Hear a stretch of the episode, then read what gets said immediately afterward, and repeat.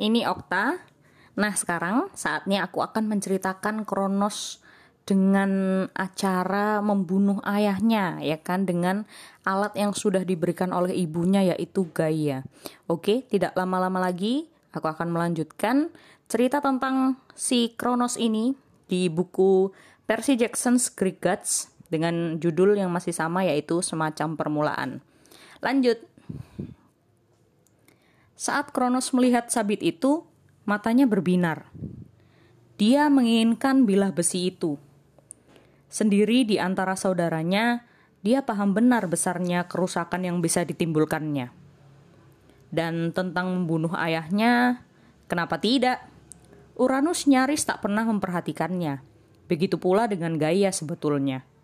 Orang tuanya mungkin bahkan tidak ingat dengan namanya. Kronos benci tak diacuhkan.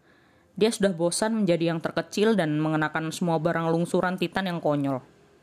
Aku akan melakukannya. Dia mengulangi. Aku akan mencincang ayahku. Putra favoritku. Gaya berseru. Kau keren sekali.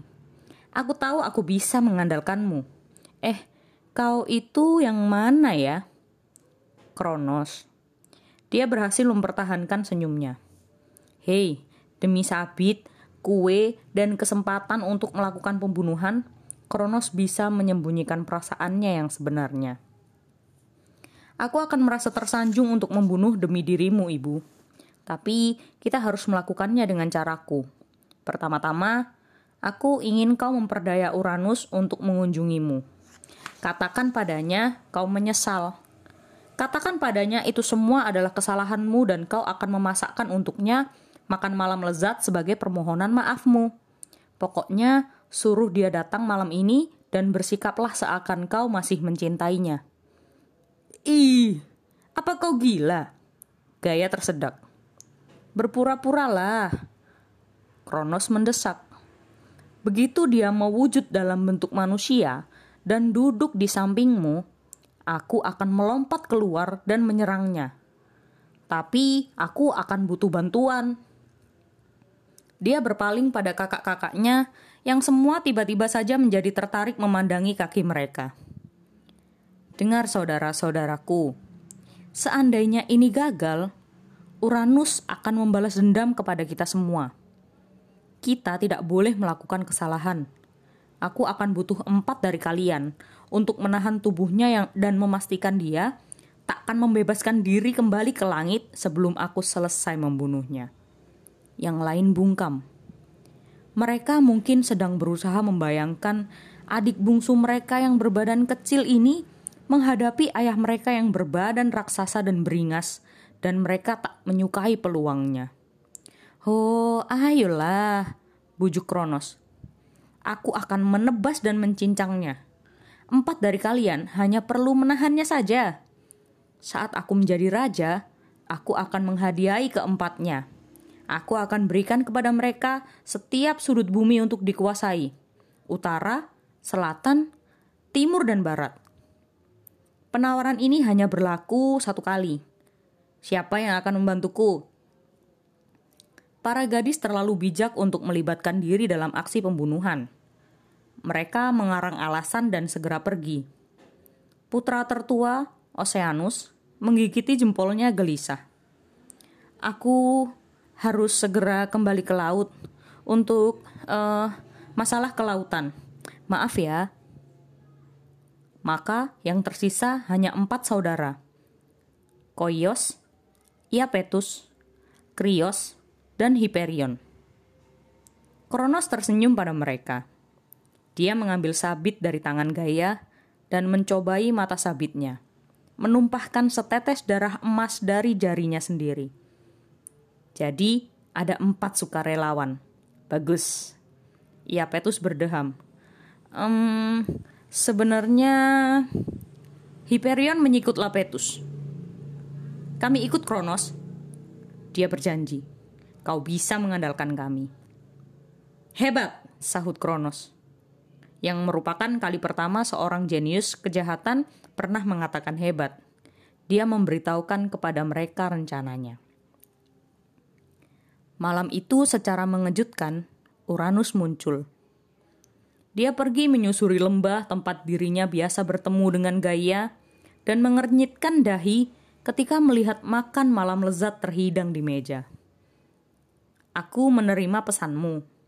Apa kau serius ingin berbaikan? Tentu saja. Gaya mengenakan gaun hijau tanpa lengan terbaiknya. Rambut ikalnya dikepang dengan batu-batu permata yang mudah untuk didapatnya mengingat dirinya bumi, dan tubuhnya mengeluarkan wangi mawar dan melati. Dia bersandar di sofa, di bawah cahaya temaram lilin, dan memanggil suaminya untuk mendekat. Uranus merasa penampilannya jadi kurang pantas dengan hanya mengenakan cawatnya. Dia belum menyisir rambutnya juga. Kulit waktu malamnya gelap dan tertutupi bintang-bintang tapi itu mungkin tak bisa dibilang mirip dengan dasi hitam. Untuk acara makan malam istimewa, dia mulai berpikir dirinya semestinya menyempatkan diri untuk gosok gigi. Apakah dia curiga? Entahlah. Ingat, belum pernah ada seseorang dalam sejarah semesta yang dipancing untuk disergap dan dicincang sebelumnya. Dia akan menjadi yang pertama. Pria beruntung. Lagi pula, dia mulai merasa kesepian terlalu sering menghabiskan waktu sendirian di langit. Satu-satunya yang menemaninya hanyalah bintang-bintang. Sang dewa udara Aether, yang sebenarnya otaknya benar-benar hanya berisi udara kosong alias bodoh. Juga Nyx dan Hemera, ibu dan anak yang selalu bertengkar satu sama lain setiap pagi dan senja. Jadi, telapak tangan Uranus terasa berkeringat. Dia lupa betapa cantiknya Gaya bila dia tidak sedang membentaknya. Jadi, kau tidak marah lagi? Sama sekali tidak. Gaya memastikannya. Dan kau tak bermasalah dengan tindakanku yang mengikatkan rantai pada tubuh anak-anak kita dan membuang mereka ke dalam jurang? Gaya menggertakkan gigi dan memaksakan sebuah senyuman. Aku tak ada masalah dengan itu. Bagus geramnya. Karena anak-anak itu benar-benar jelek. Gaya menepuk sofa. Duduklah di sampingku suamiku. Uranus menyeringai dan melangkah pelan menghampirinya. Begitu ia duduk, Kronos berbisik dari balik bongkahan batu terdekat.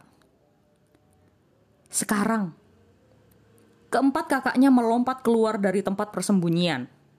Krios menyamar sebagai semak-semak. Koios menggali lubang untuk dirinya dan menutupinya dengan ranting-ranting. Hyperion bersembunyi di bawah sofa, itu sofa yang sangat besar. Sementara, Iapetus berusaha menyamar sebagai sebuah pohon dengan menjulurkan kedua lengannya bak dahan pohon. Entah mengapa penyamarannya sukses. Keempat saudara itu menangkap Uranus, Masing-masing menahan lengan atau kaki dan mereka bergulat dengan ayah mereka ke tanah, merentangkan kedua lengan dan kakinya. Kronos muncul dari balik bayang-bayang. Sabit besinya berkilat di bawah cahaya bintang. Halo, ayah. Apa-apaan ini? Pekik Uranus. Gaya, suruh mereka membebas membebaskanku. Hah? Gaya bangkit dari sopanya. Kau tak menunjukkan belas kasih kepada anak-anak kita, suamiku. Jadi, kau pun tak pantas mendapatkan belas kasih. Lagi pula, siapa yang mengenakan cawat ke acara makan malam istimewa? Aku merasa jijik. Uranus berjuang melawan tanpa daya. Berani-beraninya kau, akulah Raja Kosmos. Tidak lagi. Kronos mengangkat sabitnya. Awas, kalau kau melakukannya, Siapa ya namamu? Kronos.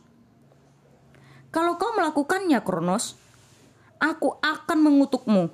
Suatu hari nanti, anak-anakmu sendiri akan menghancurkanmu dan menggulingkanmu dari tahtamu, persis seperti perbuatanmu kepadaku. Kronos tertawa. Kita lihat saja nanti. Nah, itulah proses bagaimana Kronos membunuh ayahnya. Tapi masih ada bagian yang terpenting lagi. Tunggu di episode selanjutnya ya. Oh ya BTW Kronos adalah planet Saturnus.